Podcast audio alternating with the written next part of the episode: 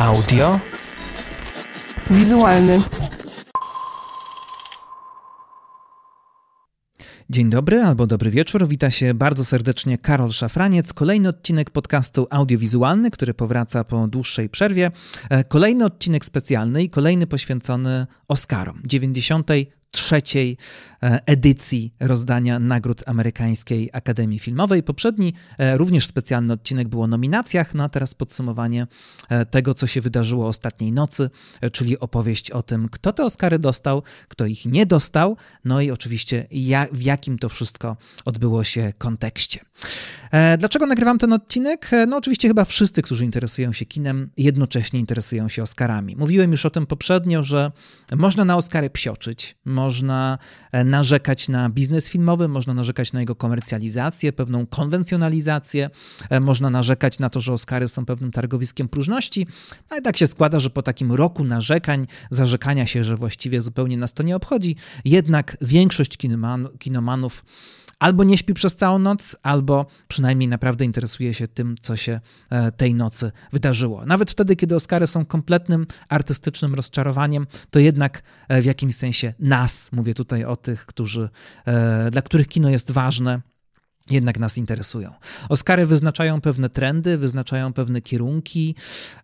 No i też wiele mówią o społeczeństwie, nie tylko amerykańskim, być może nawet nie tylko e, tym społeczeństwie zachodnim, ale z pewnością właśnie Oscary są takim barometrem. W jakimś sensie e, odzwierciedlają to, co w społeczeństwie się dzieje, odzwierciedlają jego problemy. Czasami odzwierciedlają w sposób pozytywny, to znaczy podczas Oscarów widzimy to, czym żyje, czym żyje społeczeństwo, czasem w sposób negatywny, to znaczy bardzo boleśnie wyraźnie widzimy, że na Oscarach nie ma żadnego odzwierciedlenia tego, co w społeczeństwie się dzieje. Teoretycznie Oscary mm, związane są z kinem amerykańskim, z amerykańską kulturą, teoretycznie z przemysłem hollywoodzkim, czyli z kinem bardzo komercyjnym, ale nie zawsze tak to wygląda. Tegorocznymi Oscarami warto się zająć jeszcze z jednego powodu, bo pod pewnymi względami jest to być może najciekawsze rozdanie Oscarów, z jakim mieliśmy do czynienia no przynajmniej ja w swoim, w swoim życiu być może. Było to e, najciekawsze rozdanie Oscarów, jakie e, miało miejsce w ostatnich dziesiąt, kilkudziesięciu latach, a być może najciekawsze w ogóle, dlatego że no, Oscary słyną z tego, że są bardzo konserwatywne. Ta formuła tego, w jaki sposób Oscary są przyznawane, w jaki sposób cała celebra działa, ona się nie zmienia i wszyscy na to narzekają, że to jest nudne, że to nie ma sensu, że właściwie kto to ma oglądać. E, I e, Oscary faktycznie tak kurczowo przez dziesiątki lat trzymały się pewnej formuły, aż wreszcie rzeczywistość zapukała do drzwi amerykańskiej akademii i naprawdę trzeba było coś zmienić. Nawet jeśli ktoś zupełnie Oscarami się nie interesuje, właśnie w tym roku warto przyjrzeć im się bliżej, bo Oscary zmienić się musiały. Wydaje się, że są takie dwa konteksty, które sprawiały, że tegoroczne rozdanie Oscarów jest tak niezwykle ciekawe. Pierwszy kontekst to jest ten kontekst najbardziej oczywisty koronawirus, pandemia, e, coś, co wpłynęło bardzo mocno na e, rynek filmowy, na całe tworzenie sztuki, e, no i też oczywiście na tworzenie czegoś takiego jak imprezy masowe. Wiadomo było, że Oscary muszą być przyznawane w jakiejś innej formule, że trzeba wymyśleć jakiś inny sposób na to, żeby e, zaprezentować też w telewizji e, całą tę uroczystość. E, no i wiadomo było też, że to musi być w jakimś sensie impreza, która będzie podtrzymywać na duchu, która będzie odpowiadać na pewien kryzys, w jakim znajduje się światowa kinematografia. Ona w tym kryzysie jest i pod tym względem biznesowym, i pod tym względem artystycznym. E, no więc e, bardzo duża tutaj jest jakby odpowiedzialność i to jest jakby pierwszy kontekst, natomiast oczywiście drugim kontekstem jest bardzo napięta sytuacja polityczna. Nie da się ukryć, e, żyjemy w świecie, który jest pełen napięć. Być może na naszych oczach znika pewien paradygmat. Paradygmat, na którym budowany był porządek świata zachodniego, przynajmniej od końca lat 60. w górę.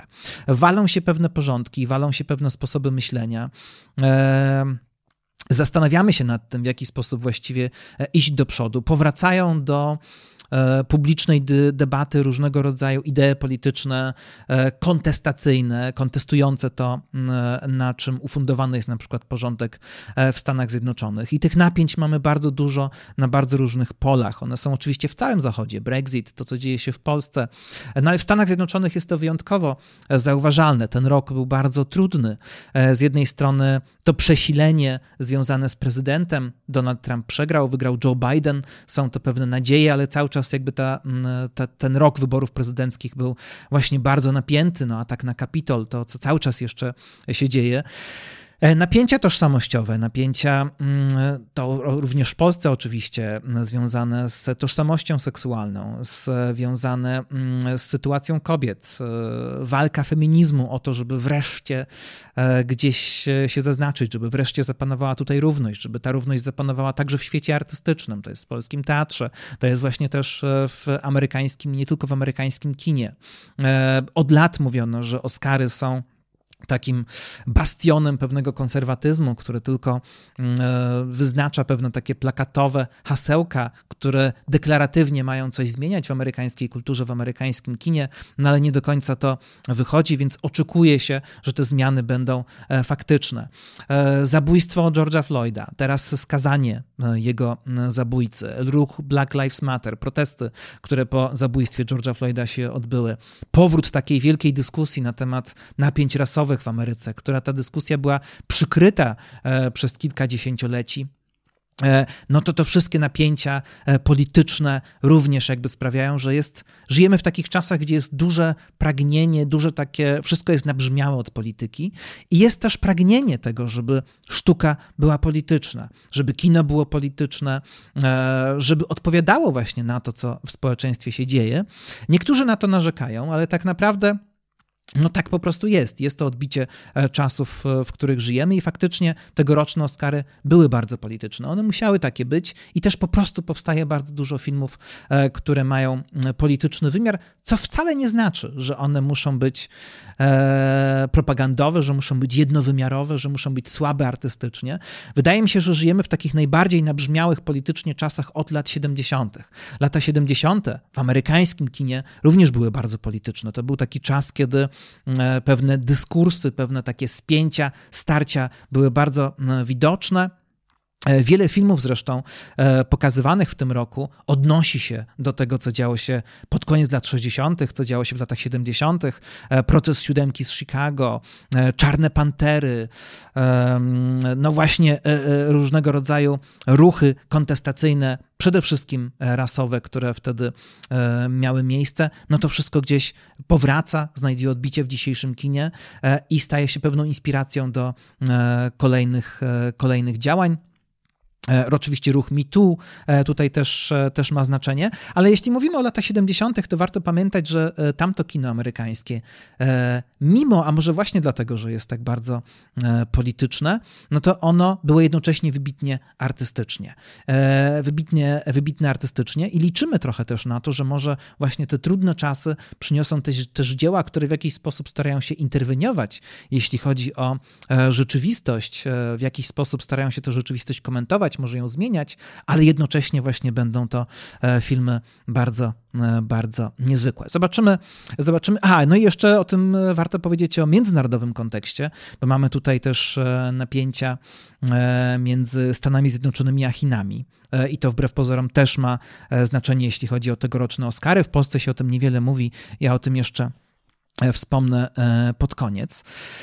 No i też e, globalizacja, e, kryzys kapitalizmu, to wszystko miało znaczenie e, właśnie tego, te, podczas tegorocznego rozdania Oscarów. Jak sobie Oscary z tym poradziły, o tym właśnie teraz zamierzam powiedzieć. Będę opowiadał mniej więcej po kolei w takiej kolejności, w jakiej to się wszystko odbyło. Mniej więcej w takiej kolejności, w jakiej Oscary były przyznawane. Będę się zatrzymywał przy niektórych kategoriach. Pewnie wszystkich nie omówię, ale te najważniejsze, gdzie warto przytoczyć kilka ciekawych kontekstów. Zaczynamy.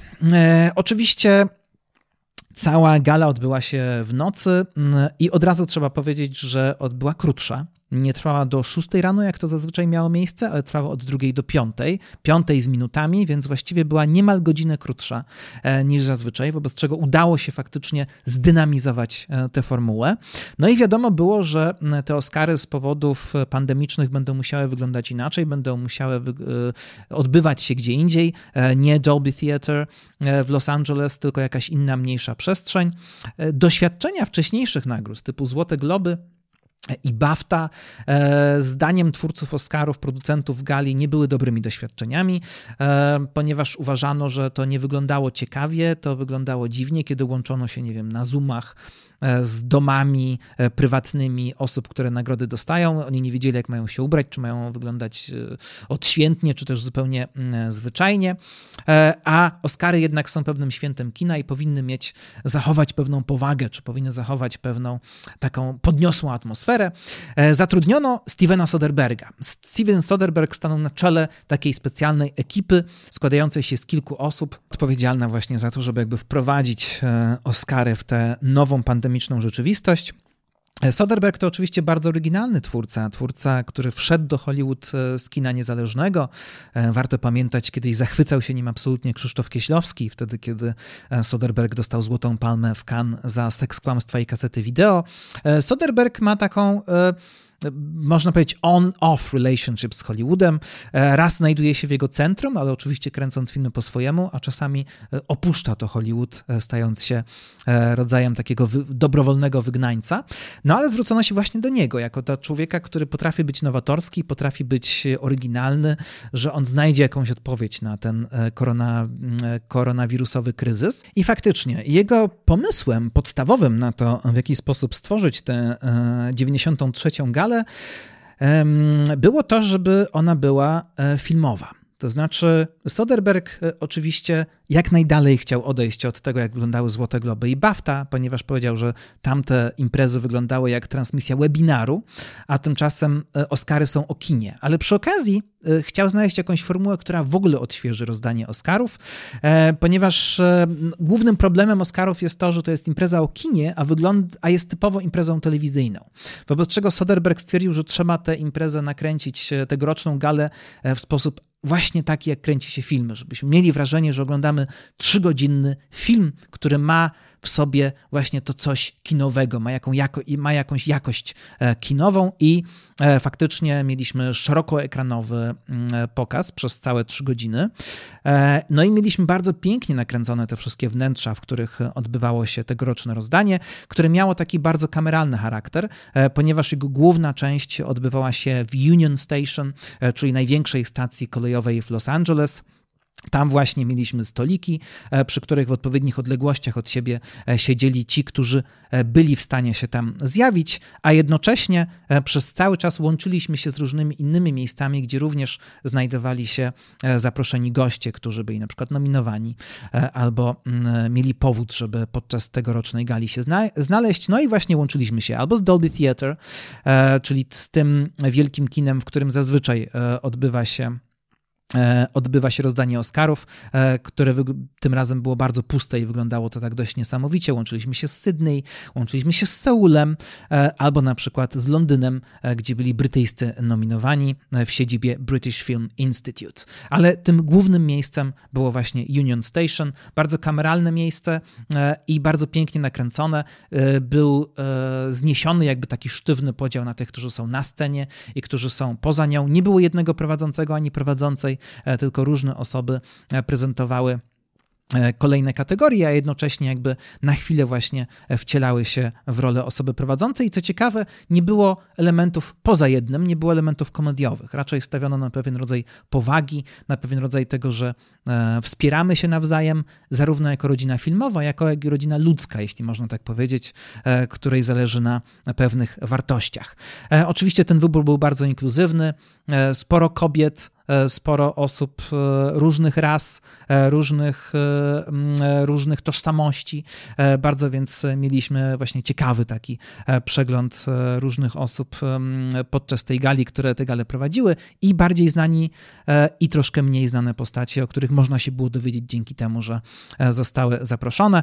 Zaczęno, za, zaczęło się od Reginy King, która wchodziła do Union Station bardzo takim odważnym krokiem. Mieliśmy napisy e, i to wszystko wyglądało faktycznie bardzo dynamicznie i zaczynało się jak film. Ale już e, za chwilę mogliśmy zobaczyć pewne wady e, tej koncepcji Stevena Soderberga. Ja szczerze mówiąc obawiałem się po pierwszych nominacjach, że to wszystko będzie trwało bardzo, bardzo długo. Dlatego, że e, każda postać, która była nominowana, e, była przez Regina King bardzo długo opisywana, a potem, kiedy pierwsze nagrody zostały przyznane, to te osoby, które je odbierały, mówiły tak długo, nie było tym razem orkiestry, e, która może przerwać, no, że wydawało się, że będzie to trwało w nieskończoność. Ale okazało się potem, że być może w czasie przerw pewne poprawki ekipa produkująca całe to show wprowadzała i dzięki temu udało się jednak utrzymać pewne tempo. Nie było śpiewania piosenek, nie było tych wszystkich estradowych przerywników. E, co sprawiło, że oczywiście impreza musiała być długa, musiała być w jakimś sensie, w tym sensie monotonna, no, że to jest cały czas wyczytywanie nominowanych i dawanie im nagród ale mimo wszystko e, potoczyło się to zaskakująco dynamicznie i pod wieloma względami e, zaskakująco sprawnie. Nie było orkiestry, e, tym razem za całą muzyczną oprawę odpowiedzialny był Questlove, DJ, lider zespołu The Roots, którego mm, znamy też z show Jimmy'ego Fallona, a The Roots to właśnie taki zespół, który słynął z tego, że łączył typową hip-hopową stylistykę z żywymi instrumentami. Questlove to świetny muzyk, świetny aranżer, który potrafi sobie radzić z żywym instrumentarium, ale też jest po prostu DJ-em. I właśnie tym razem, rezygnując jakby e, z charakterystycznej dla takich gal oprawy, e, Questlove po prostu był DJ-em i miksował muzykę ze swoich płyt. No i przechodzimy teraz do nagród. Zaczęło się o, to też kolejna rzecz, która była ciekawa. E, zmieniono troszkę kolejność, troszkę inaczej przyznawano tym razem Oscary niż zazwyczaj i właściwie już na początku wiedzieliśmy, e, że coś się święci, ponieważ zaczęto od scenariusza. Zazwyczaj zaczyna się od ról e, drugoplanowych, tym razem scenariusz, być może dlatego, że próbuje się troszkę rozmontować pewne takie zastane hierarchie, które są w Hollywood czy w biznesie filmowym. Często się mówi o tym, że scenarzyści są nie dość zauważani, nie dość do doceniani, no więc tym razem od nich, e, za, e, od nich zaczęła się cała gala. No i to już było pewne e, zaskoczenie, ponieważ scenariusz adaptowany, od, nagrodę za scenariusz adaptowany otrzymał Florian Zeller i Christopher Hampton za film Ojciec z Antonym Hopkinsem i to niekoniecznie był faworyt. Niektórzy oczekiwali, że Nomadland, film na bazie książki na bazie reportażu literackiego, to e, ten film właśnie otrzyma nagrodę. E, tymczasem Florian Zeller e, to mm, autor scenariusza i człowiek, który zaadaptował tutaj własną sztukę teatralną, a pomógł mu wielki nestor brytyjskiej dramaturgii i scenopisarstwa, czyli Christopher Hampton, więc to taka nagroda dla kogoś, kto no, ma wielkie zasługi w brytyjskim teatrze i w brytyjskim kinie. Co ciekawe, Florian Zeller jest autorem większej ilości sztuk, która zajmuje się trudnymi relacjami rodzinnymi. Ojciec to część trylogii, wcześniej była matka. E, jest też sztuka teatralna Syn, którą podobno teraz e, Florian Zeller zamierza zekranizować, więc być może będzie to kolejna Oscarowa historia. E, tymczasem scenariusz oryginalny, i to e, bardzo wiele osób na to oczekiwało, dostała Emerald Fennell, czyli aktorka, którą znamy z roli Camille Parker Bowles w serialu The Crown, no ale która oczywiście zadebiutowała jako scenarzystka, producentka i reżyserka filmu Obiecująca Młoda Kobieta. Scary Mulligan to jeden z takich wielkich hitów ostatniego, ostatnich kilku miesięcy. Też film właśnie bardzo ważny, e, który łączy e, konwencje hollywoodzkie z, temat, e, z tematyką feministyczną. Robi to w sposób bardzo przewrotny, ale też dający do myślenia. Było wiele osób, które absolutnie kibicowali Emerald Fennel do końca, liczyli na to, że właśnie ten film stanie się takim cichym faworytem tego wieczoru. No ale tutaj scenariusz oryginalny.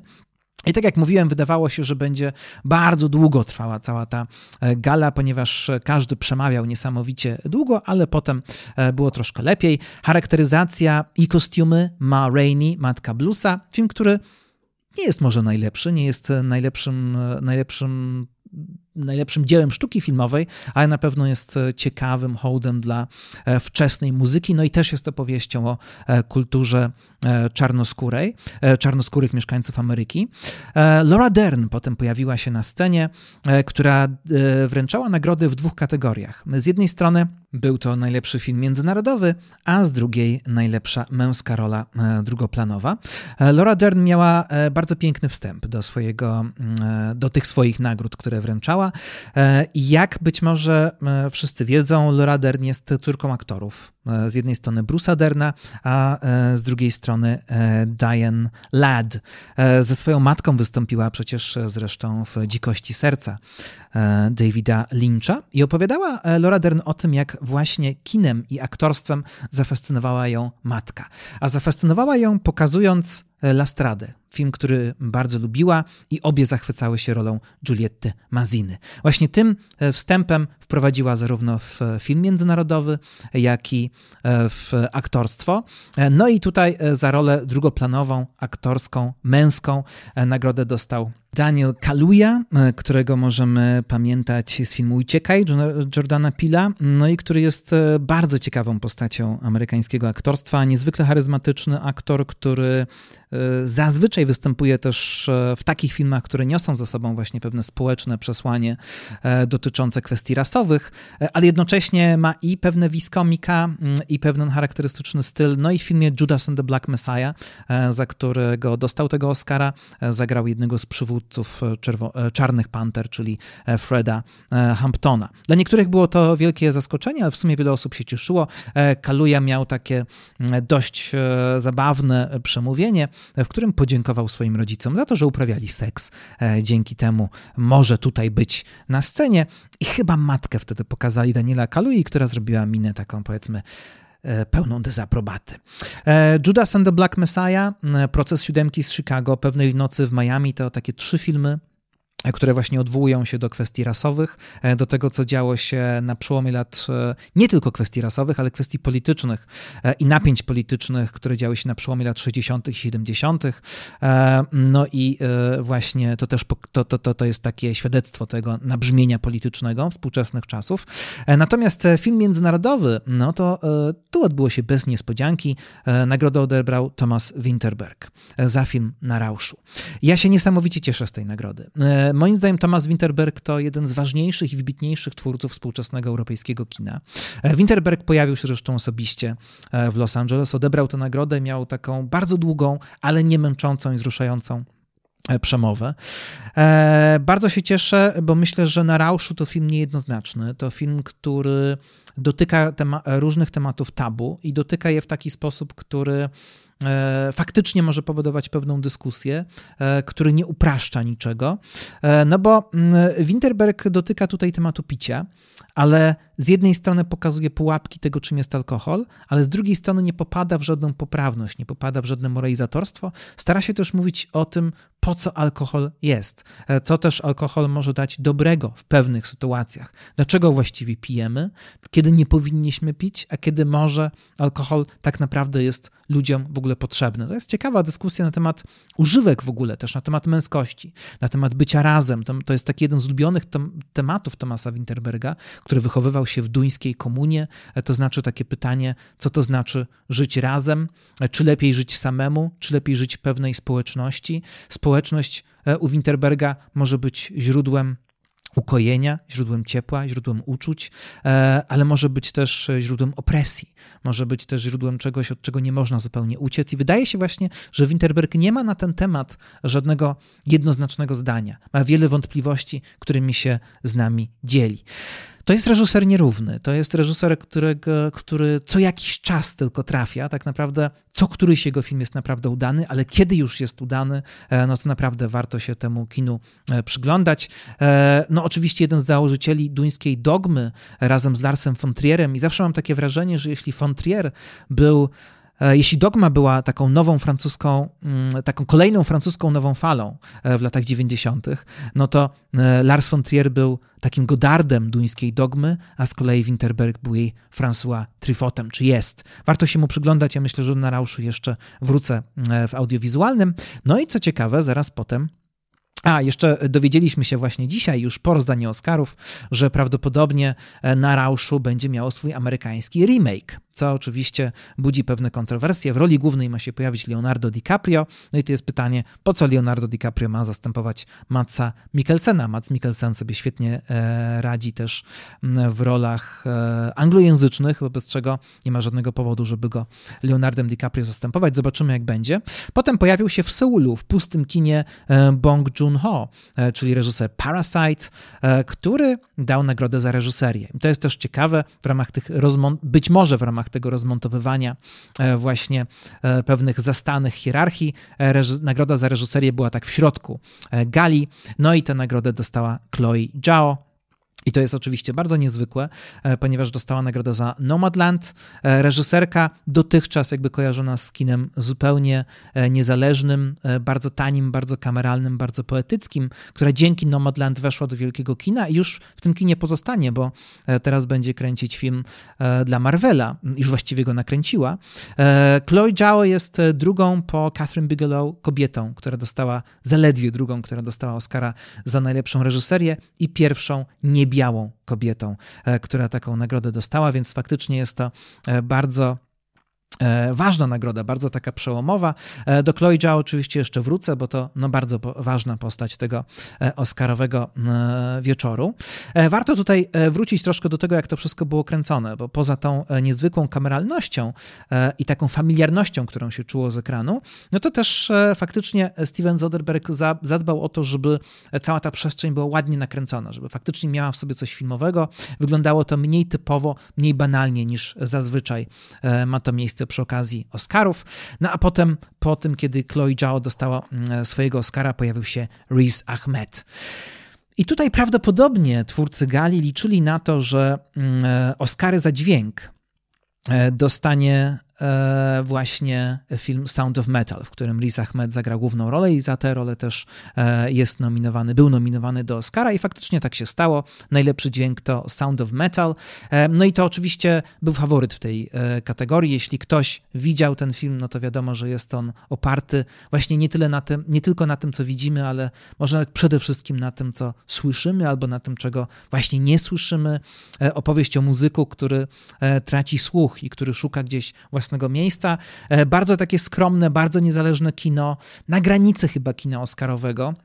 Więc nie dziwię się, że nie jest to film tak bardzo e, doceniony. Tutaj też warto powiedzieć, że Riz Ahmed jest e, podobno, e, tak gdzieś wyczytałem, pierwszym muzułmańskim, pierwszym muzułmaninem nominowanym do e, Oscara e, za rolę pierwszoplanową. Mm, I warto jeszcze o Sound of Metal powiedzieć, że jest to film, który jest bardzo wieloznaczny. To wcale nie jest jedynie film o niepełnosprawności, o godzeniu się lub niegodzeniu się z niepełnosprawnością. To jest też film o miłości i o związkach i o tym, jak one są i się kończą, e, o godzeniu się ze stratą w ogóle wszelaką i o tym, jak do tego e, podchodzić. Ale jest to też film o e, pewnej, o, o wierze, o tym, że w dużym stopniu świat składa się z. Świat ma takie znaczenie, jakie my mu nadajemy.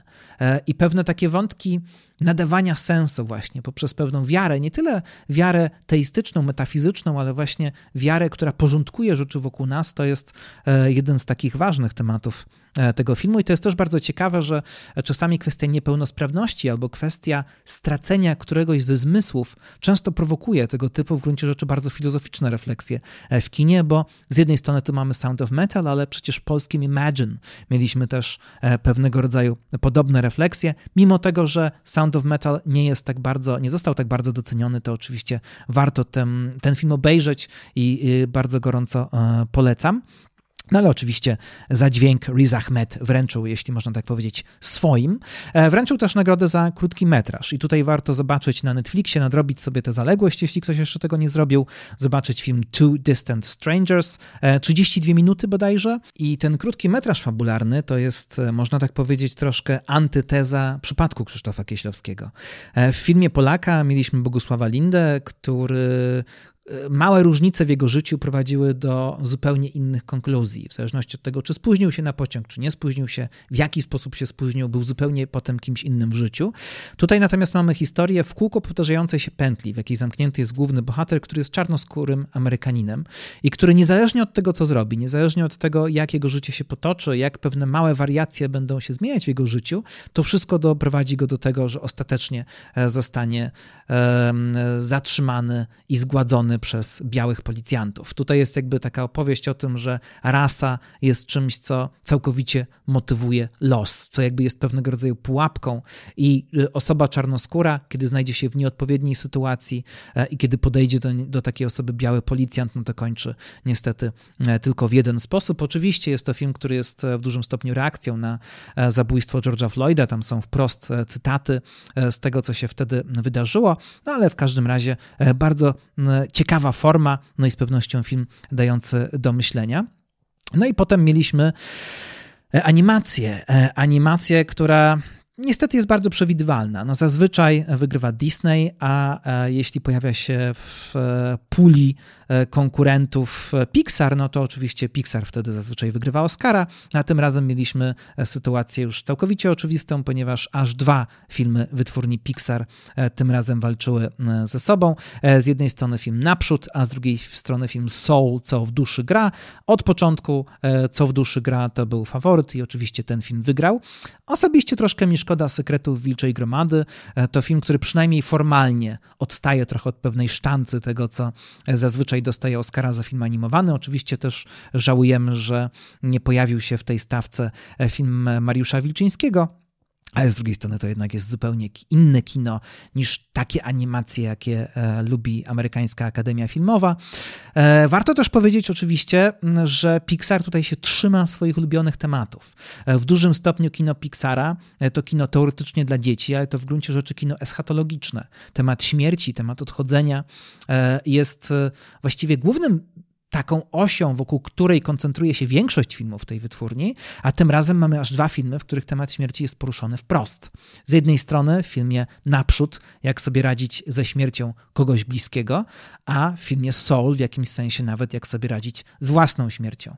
E, w Soul oczywiście mamy kwestie muzyki, mamy też kwestie rasowe, bo to film bardzo utrzymany e, w kulturze afroamerykańskiej, e, no ale przede wszystkim w jazzie, e, w muzyce e, właśnie i jazzowej, i tytułowej soulowej. Do tego jeszcze wrócimy. Po animacjach przyszedł czas na dokumenty. Dokumentom się szczególnie przyglądam, bo mm, bardzo po prostu lubię tę formułę filmową, ale też dokumenty, dokument światowy jest na bardzo wysokim poziomie. Od kilkunastu lat wydaje się to też jest związane z pewną infrastrukturą. E, filmy dokumentalne są pokazywane w kinach, e, są osobne imprezy, osobne festiwale poświęcone tylko dokumentom. Również w Polsce mamy e, ich trochę.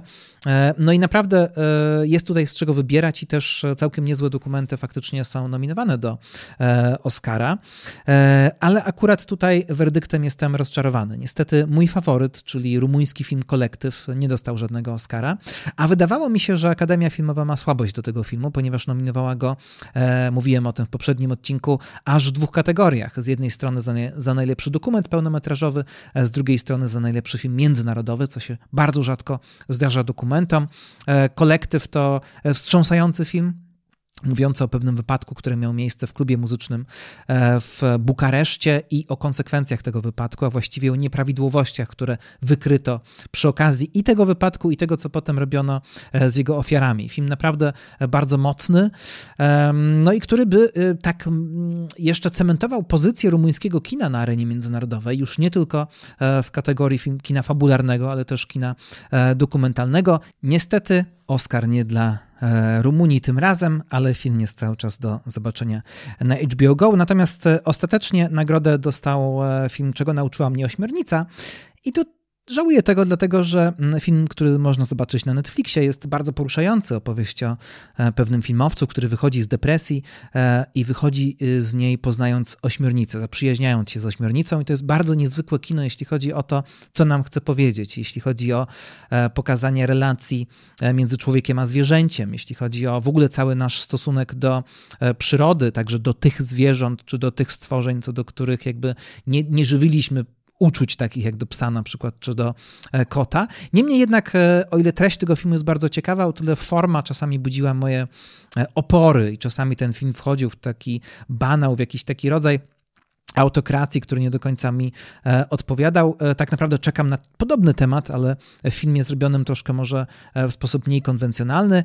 Niemniej jednak i tak ośmiornicę warto zobaczyć. Natomiast bardzo ciekawy film dostał nagrodę za najlepszy dokument krótkometrażowy, film Colette, film, który również dotyka tematyki społeczno-politycznej, historycznej, ponieważ jest to film o kobiecie, która była członkinią ruchu oporu, e, francuskiego ruchu oporu w czasie II wojny światowej. No i jest to film rozliczeniowy, który mm, próbuje wzbudzić dyskusję we Francji na temat e, postawy Francuzów w czasie e, II wojny światowej. Jest to film, który stara się rozliczać tematykę w kolaboracji, współpracy z nazistami. Temat, który wydaje się wydawałoby się, że jest albo tematem tabu, albo już jest e, w jakimś sensie dawno zamknięty, a teraz powraca i zaczyna się chyba jakaś, e, jakaś dyskusja na ten temat, chociaż złośliwie mówią, że nie jest to dyskusja, w której Francuzi rozmawiają sami ze sobą, ale raczej Brytyjczycy zmuszają ich do tej dyskusji, dlatego że producentem filmu Colette jest brytyjski Guardian, więc bardzo zresztą Guardian jest dumny z tego,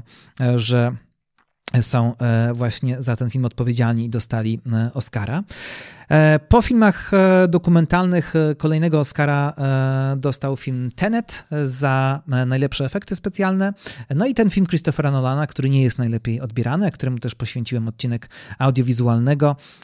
Właściwie był w tej kategorii faworytem, ale wiadomo było, że wiele więcej nie osiągnie. Natomiast potem po nagrodzie dla Tenet pojawił się Brad Pitt, który ogłaszał Oscar Oscary za najlepszą e, drugoplanową rolę kobiecą. No a w tym roku to była niezwykle ciekawa kategoria, tutaj dużo e, ciekawego się działo. E, z jednej strony mieliśmy Glenn Close, e, która e, po raz ósmy była nominowana. Wszyscy mówili, że jeśli nie dostanie Oscara, e, to wyrówna rekord Petera O'Toola, który również był osiem razy nominowany i nigdy Oscara takiego standardowego nie dostał. No a z drugiej strony wiemy też, że Glenn Close e, jednocześnie za tę samą rolę e, w filmie Legia dla Bidoków była nominowana do Złotej Maliny. Ostatecznie Glenn Close nic nie dostała, natomiast miała tutaj jeszcze inne ciekawe konkurentki. Z jednej strony wiele osób kibicowało Marii Bakalowej, czyli aktorce z Borata z drugiej części. To również film, któremu poświęciłem jeden z odcinków mojego podcastu. E, Maria Bakalowa no, dokonała tutaj rzeczy niezwykłej. Niezwykłej z bardzo wielu powodów. E, po pierwsze, bułgarska aktorka, bardzo właściwie mało znana, która wygrała casting i nagle znalazła się w centrum hollywoodzkiego filmu i teraz ma wielu fanów i wiele fanek i wszyscy jej wróżą wielką karierę. Z drugiej strony no, została tutaj nominowana za bardzo nietypową rolę, e, ponieważ jak wiemy konwencja Borata to konwencja właściwie filmu dokumentalnego, w którym Borat i jego towarzysze przebierają się za kogoś i wkręcają ludzi.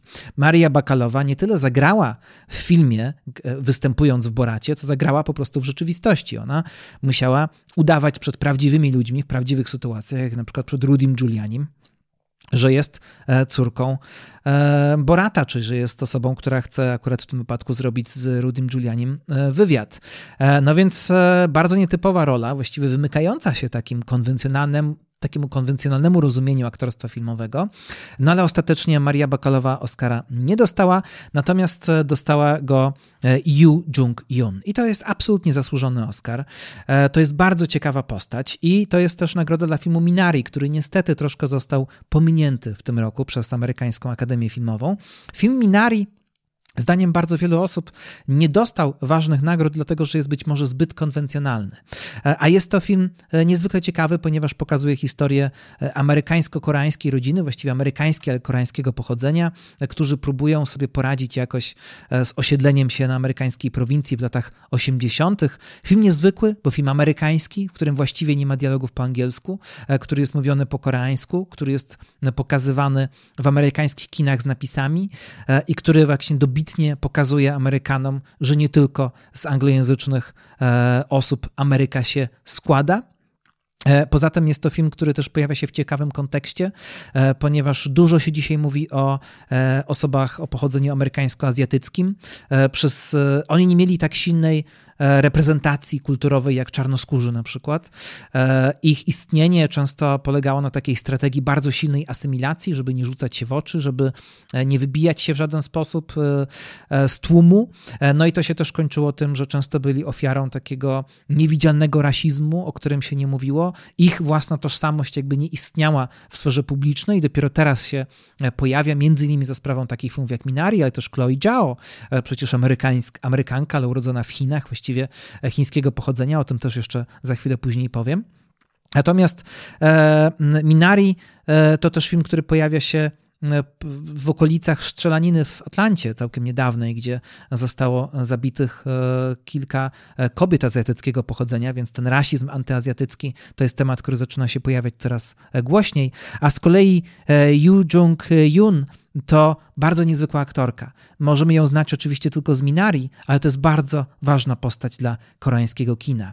E, kiedy weszła na scenę, podziękowała za nagrodę, podziękowała też za to, że amerykańska akademia najwyraźniej ma słabość do Koreańczyków, po tym co stało się z Parasite, i podziękowała później e, Kim Ki-youngowi, e, czyli reżyserowi, który był bardzo ważny dla koreańskiego kina. Mówi się czasami, że od Kim Ki-younga zaczyna się współczesne, nowoczesne kino koreańskie i na pewnych archetypach, które pojawiały się w jego filmach, e, do dzisiaj kino koreańskie jest zasadzone. E, w 60 roku Kim Ki-young kręci Pokojówkę.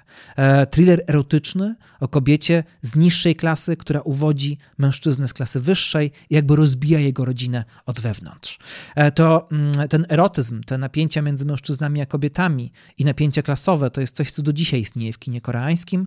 A co ciekawe, Kim Ki-young e, ten schemat spokojówki powtarzał w takich kolejnych autoremake'ach. W każdej dekadzie w latach 70. i w 80. powtarzał swój film, ale jakby pokazując, jak ta sama historia się zmienia, bo zmienia się społeczeństwo koreańskie z każdą dekadą i tak w 71 roku nakręcił Ognistą Kobietę i w 82 nakręcił Ognistą Kobietę 82.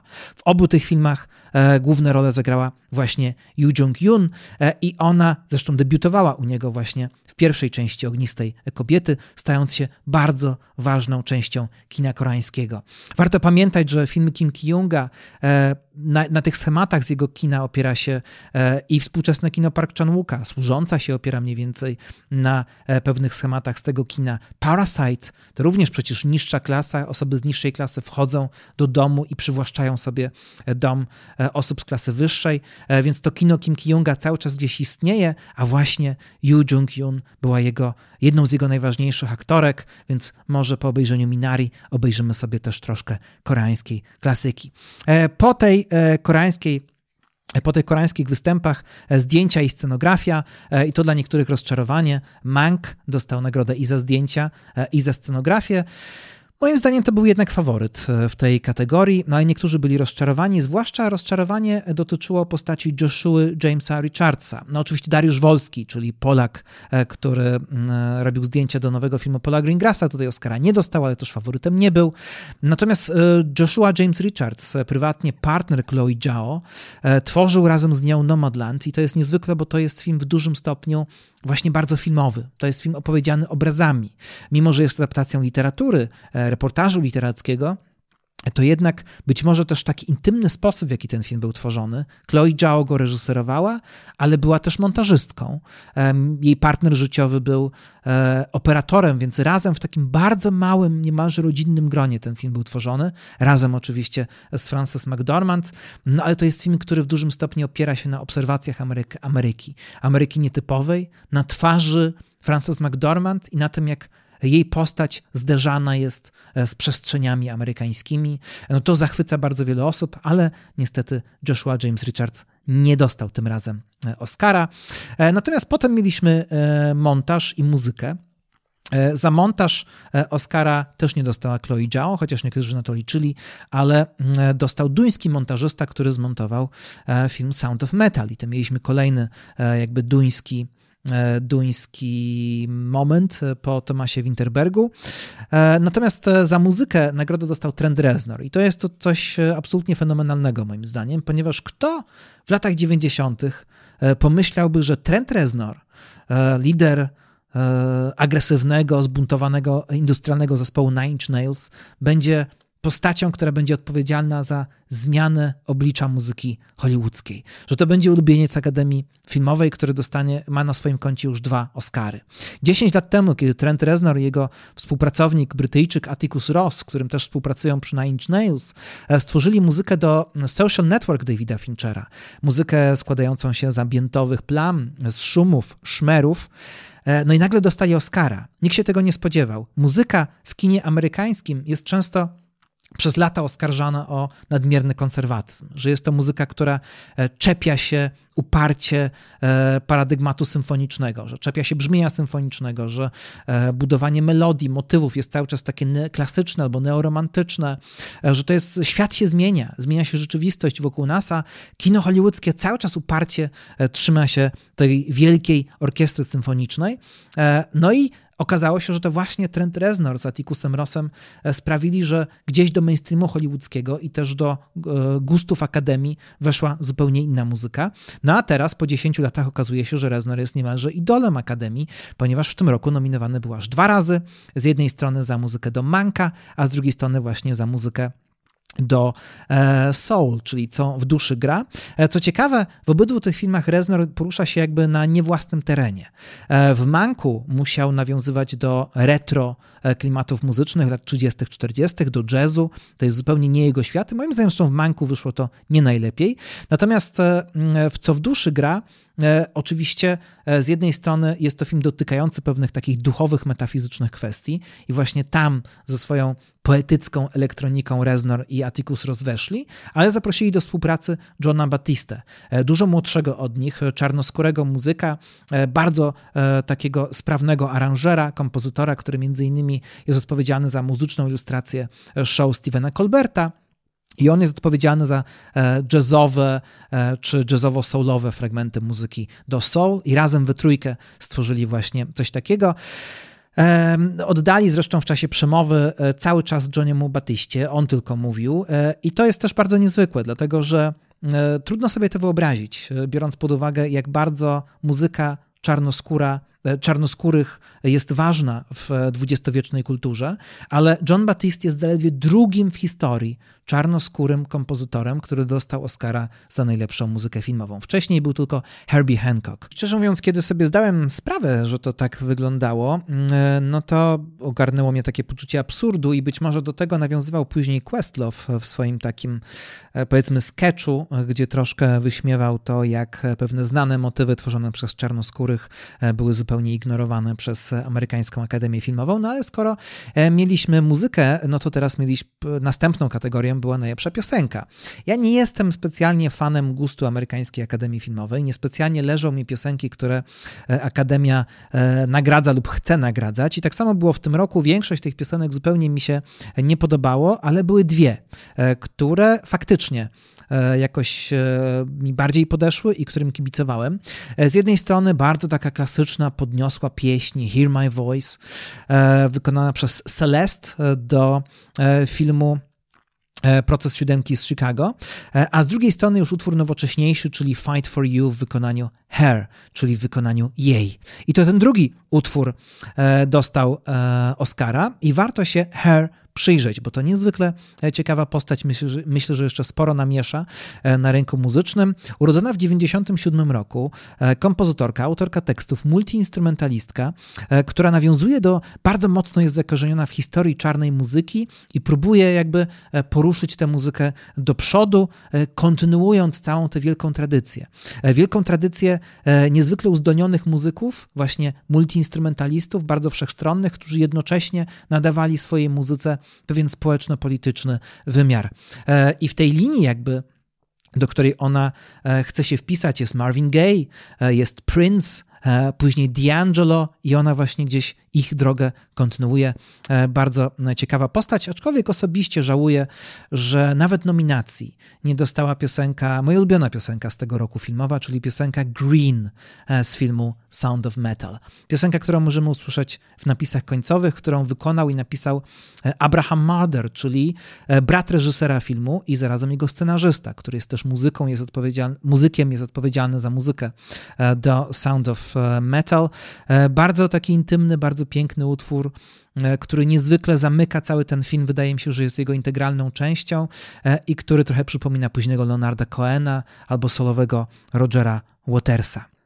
Ceremonia powoli zbliżała się do końca, no i mieliśmy jeszcze jeden mały twist, ale twist bardzo znaczący, który ostatecznie sprawił, że e, no, wielu osobom nie podobała się ta gala, mimo tego, że pewne oceny co do tego, jak ona wygląda, były dość pozytywne na początku, że faktycznie udało się e, to wszystko udynamicznić, że nie ma wpadek technicznych, że udało się zachować pewne takie poczucie wyjątkowości, że Steven Soderbergh faktycznie nakręcił to w taki sposób, że wygląda to godnie i wygląda to bardzo filmowo i że być może niektóre z pomysłów e, z tej gali będzie można pozostawić jakby e, już w tej, wtedy, kiedy Oscary powrócą do swojej bardziej tradycyjnej formy, ale no, jak się okazało, na końcu ktoś postanowił troszkę przedobrzyć.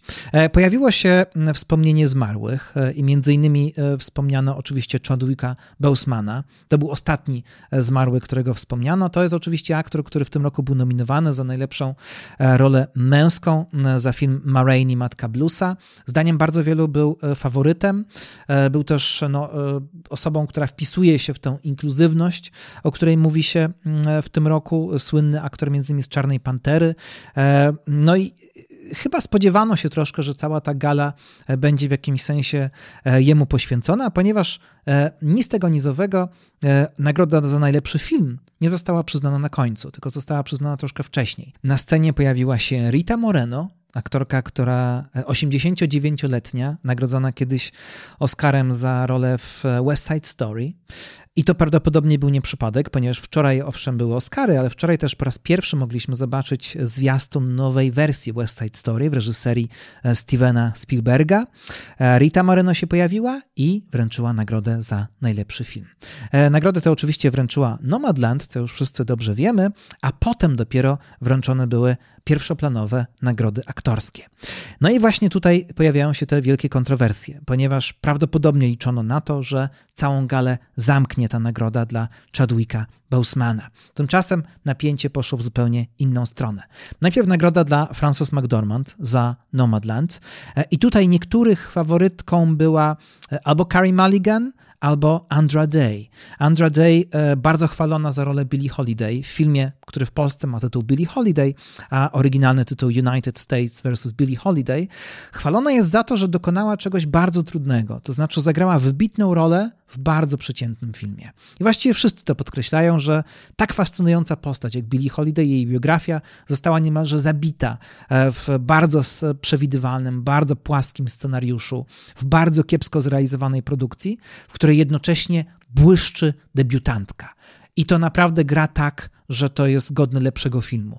Carrie Mulligan z kolei no, zagrała bardzo odważną rolę, e, takiej jakby przewrotnej, innej, odwrotnej wersji femme fatale, E, w filmie, który jest pewnego rodzaju e, feministycznym manifestem i właśnie za tą niezwykłość, e, za tę odwagę też należał jej się Oscar, no ale ostatecznie wszystko powędrowało do Frances McDormand, ale chyba nie budzi to jakichś bardzo wielkich kontrowersji.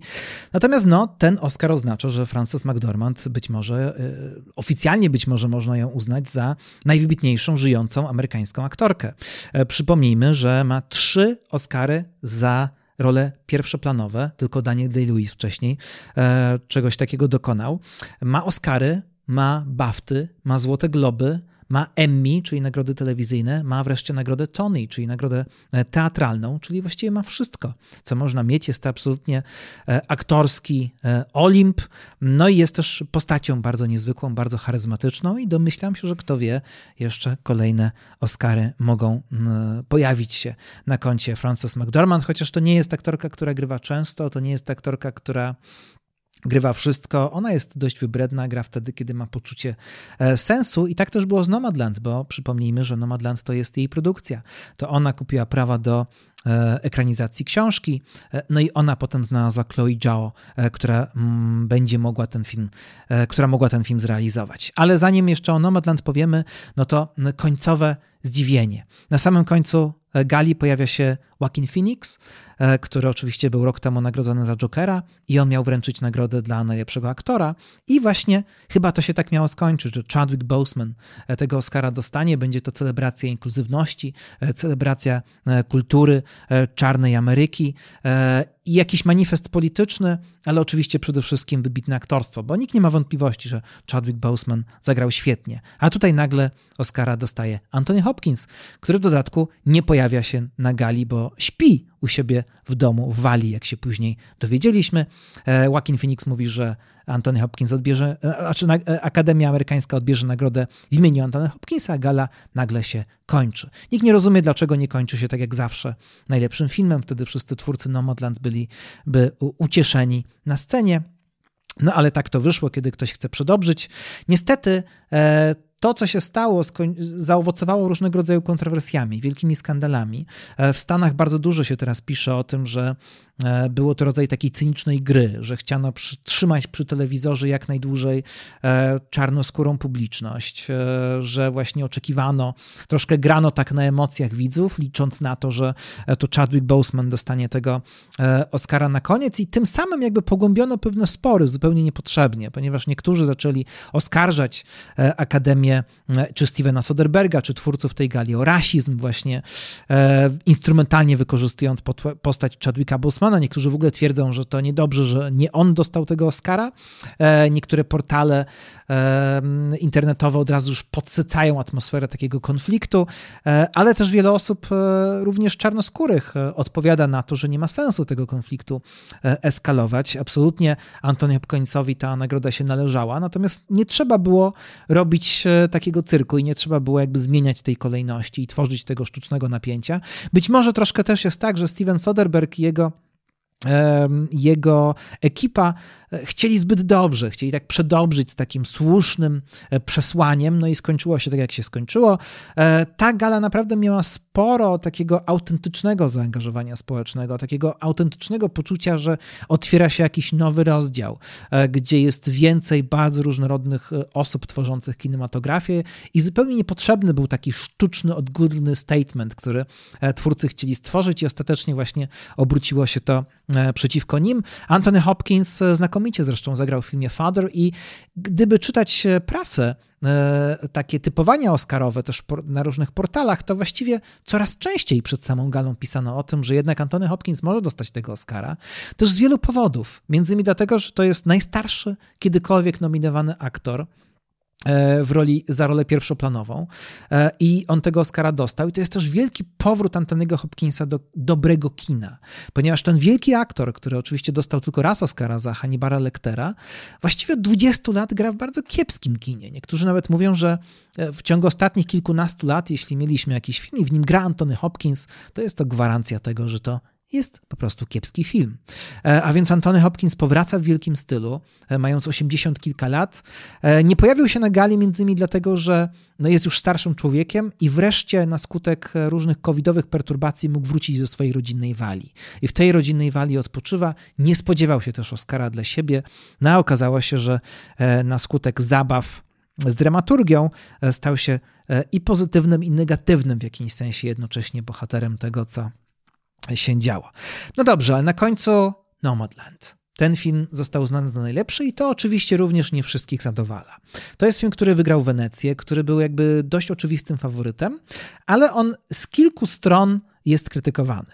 I powiedzmy może dlaczego i z jakich. Z jednej strony krytykuje go e, część amerykańskiej lewicy, nie tylko amerykańskiej zresztą, krytykuje się film Nomadland za to, że łagodzi wymowę książki. E, książka e, Jessica Bruder, literacki reportaż przedstawiający życie ludzi, którzy całe życie pracowali, a teraz po kryzysie gospodarczym w Stanach Zjednoczonych nie mają z czego żyć, niczego nie udało im się zaoszczędzić, nie mają żadnego podziękowania za swoją pracę, wobec czego sprzedają wszystko i przeprowadzają się do swoich samochodów, tworzą rodzaj takiej alternatywnej społeczności, która sobie nawzajem pomaga. To jest taki dość przerażający e, obraz współczesnej Ameryki. W dodatku często ci ludzie, e, już będąc e, w, no, w takim wieku niemłodym, muszą szukać jak, na gwałt jakiejkolwiek innej pracy, żeby mieć czego żyć często zatrudniają się w magazynach Amazonu, które słyną z tego, że no, mają taką sławę, że nie najlepiej traktują, delikatnie mówiąc, swoich pracowników. No i jest to takie dość potężne oskarżenie współczesnej Ameryki, współczesnego kapitalizmu. To jest książka, która stawia bardzo bolesne diagnozy i stawia je dość wprost. E, tymczasem Film jest bardzo delikatny, film jest bardzo poetycki i film jakby łagodzi przesłanie książki, łagodzi pewien konflikt, który w tej książce jest opisany.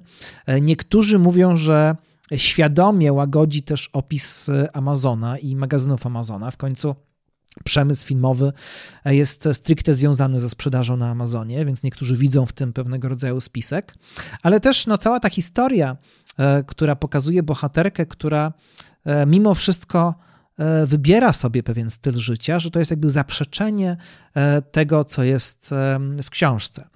No to tak można też krytycznie na ten film patrzeć, więc niektórzy właśnie nie byli zadowoleni i nie chcieli za bardzo, żeby to Nomadland dostał tego Oscara.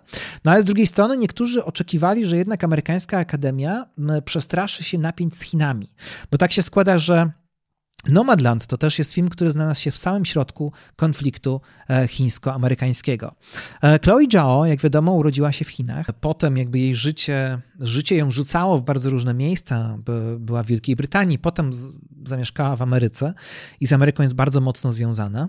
E, natomiast oczywiście ona no, krytycznie patrzy na wiele rzeczy, także na rzeczywistość amerykańską, ale kiedyś w jednym wywiadzie powiedziała, że pamięta czasy, kiedy mieszkała w Chinach i mieszkała w świecie, który jest otoczony kłamstwem. Chińczycy nie zapomnieli jej tego wywiadu. E, też powiedziała w innym wywiadzie, że w Stanach Zjednoczonych czuje się jak w domu, e, co potem okazało się troszkę mm, sfałszowanym cytatem e, i mm, ci, którzy opublikowali ten wywiad, go naprawili. Niemniej jednak Chińczycy bardzo nie lubią Chloe Zhao, bardzo liczyli na to, że nie będzie to postać, którą będzie się promować. Wiadomo, że dzisiaj amerykański biznes, także amerykański biznes filmowy bardzo liczy na silną współpracę z Chinami.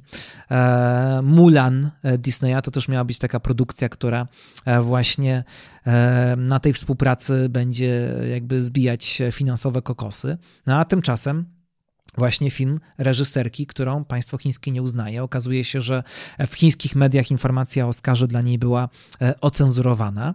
No i z tego niektórzy twierdzą, może wyniknąć jeszcze więcej napięć. I tak niektórzy właśnie twierdzili, że strach E, przed Chinami ostatecznie doprowadzi do tego, że Nomadland Oscara nie dostanie. Natomiast e, e, na końcu chciałbym powiedzieć, że ja jestem bardzo zadowolony z tej nagrody. Uważam, że Nomadland to bardzo ciekawe kino, ponieważ to jest takie kino, które pokazuje, że można być zaangażowanym społecznie, można odnosić się do współczesnych problemów gospodarczo-społeczno-politycznych, jednocześnie nie porzucając pewnej formy, nie porzucając tego, tego, tej niezwykłości, tej niejednoznaczności, e, która jest istotą sztuki. E, to jest bardzo ciekawy rodzaj adaptacji. To nie jest typowa adaptacja książki, to jest raczej pewna wariacja na temat tego, co w książce jest opisane, albo raczej pewien wycinek z książki. Jeśli Jessica Bruder e, w swoim dziele opisuje pewien świat, no to Chloe Zhao zaludniła ten świat swoją bohaterką. Chloe Zhao wraz z Frances McDormand. Ze swoimi bohaterami, między innymi właśnie swoją bohaterką, która jest gdzieś na pograniczu, która nie do końca wie. I ten film właśnie też taki jest. To jest kino bardzo dalekie od e, takich oczywistych statementów. E, to jest oczywiście film, który zadaje ważne pytania, pokazuje świat w pewnym kryzysie. Tadeusz Sobolewski e, w swojej recenzji pisze, że jest to taki świat po stracie, że jest w tym filmie jakiś rodzaj buddyjskiej żałoby nad tym wszystkim, co przeszło. Jest to taki jakby pierwszy film zupełnie nowej ery, w której wiemy, że coś się rozleciało i musimy z tego wszystkiego ułożyć jakiś nowy świat, ale jeszcze nie wiemy jaki. I bohaterka też nie wie.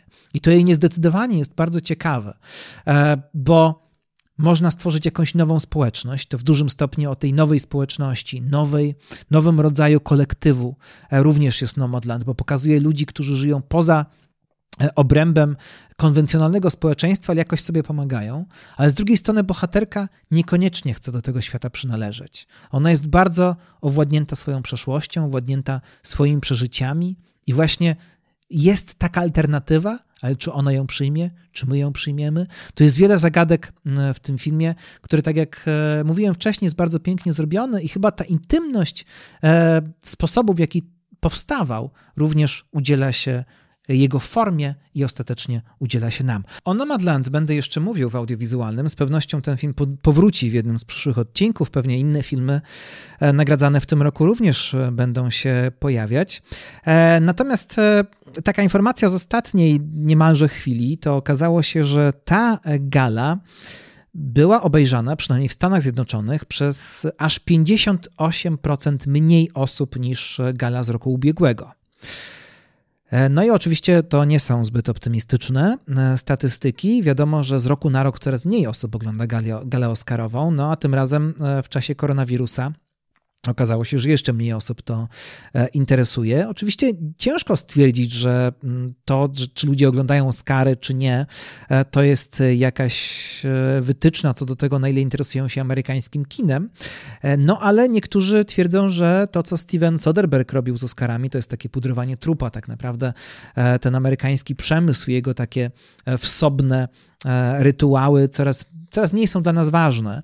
I być może to też oznacza jakiś wielki przełom, większy przełom w amerykańskiej kinematografii. Nie tylko koronawirus, nie tylko zamieszanie gospodarczo-polityczno-społeczne, ale też rewolucja streamingowa sprawiają, że być może niedługo będziemy żyć w zupełnie innym świecie, także jeśli chodzi o e, sztukę filmową. Natomiast e, warto chyba zakończyć e, powtarzając hasło Frances McDormand, które mm, wygłosiła ze sceny, kiedy dostała jednego e, ze swoich Oscarów za Nomadland. Mianowicie powiedziała wtedy, że idźcie zobaczyć ten film, jak już będziecie mogli, na jak największym ekranie, na jakim się da. I podobnie zróbcie z innymi filmami, które tutaj nagradzamy. No i oby tak było, byśmy się mogli jednak jeszcze spotkać w kinie, niezależnie od tego, gdzie poza tym filmy oglądamy. Kino ma swoją magię i chyba by było fajnie, żeby przetrwało, czy z Oscarami, czy też bez nich. Dziękuję bardzo. E, polecam się na przyszłość, polecam przyszłe odcinki e, audiowizualnego, a oczywiście e, audiowizualnego można słuchać we wszystkich możliwych portalach podcastowych, można słuchać na YouTubie no i polecam też odwiedzić Facebooka podcastu i tam zostawić swoje wrażenia. Do usłyszenia.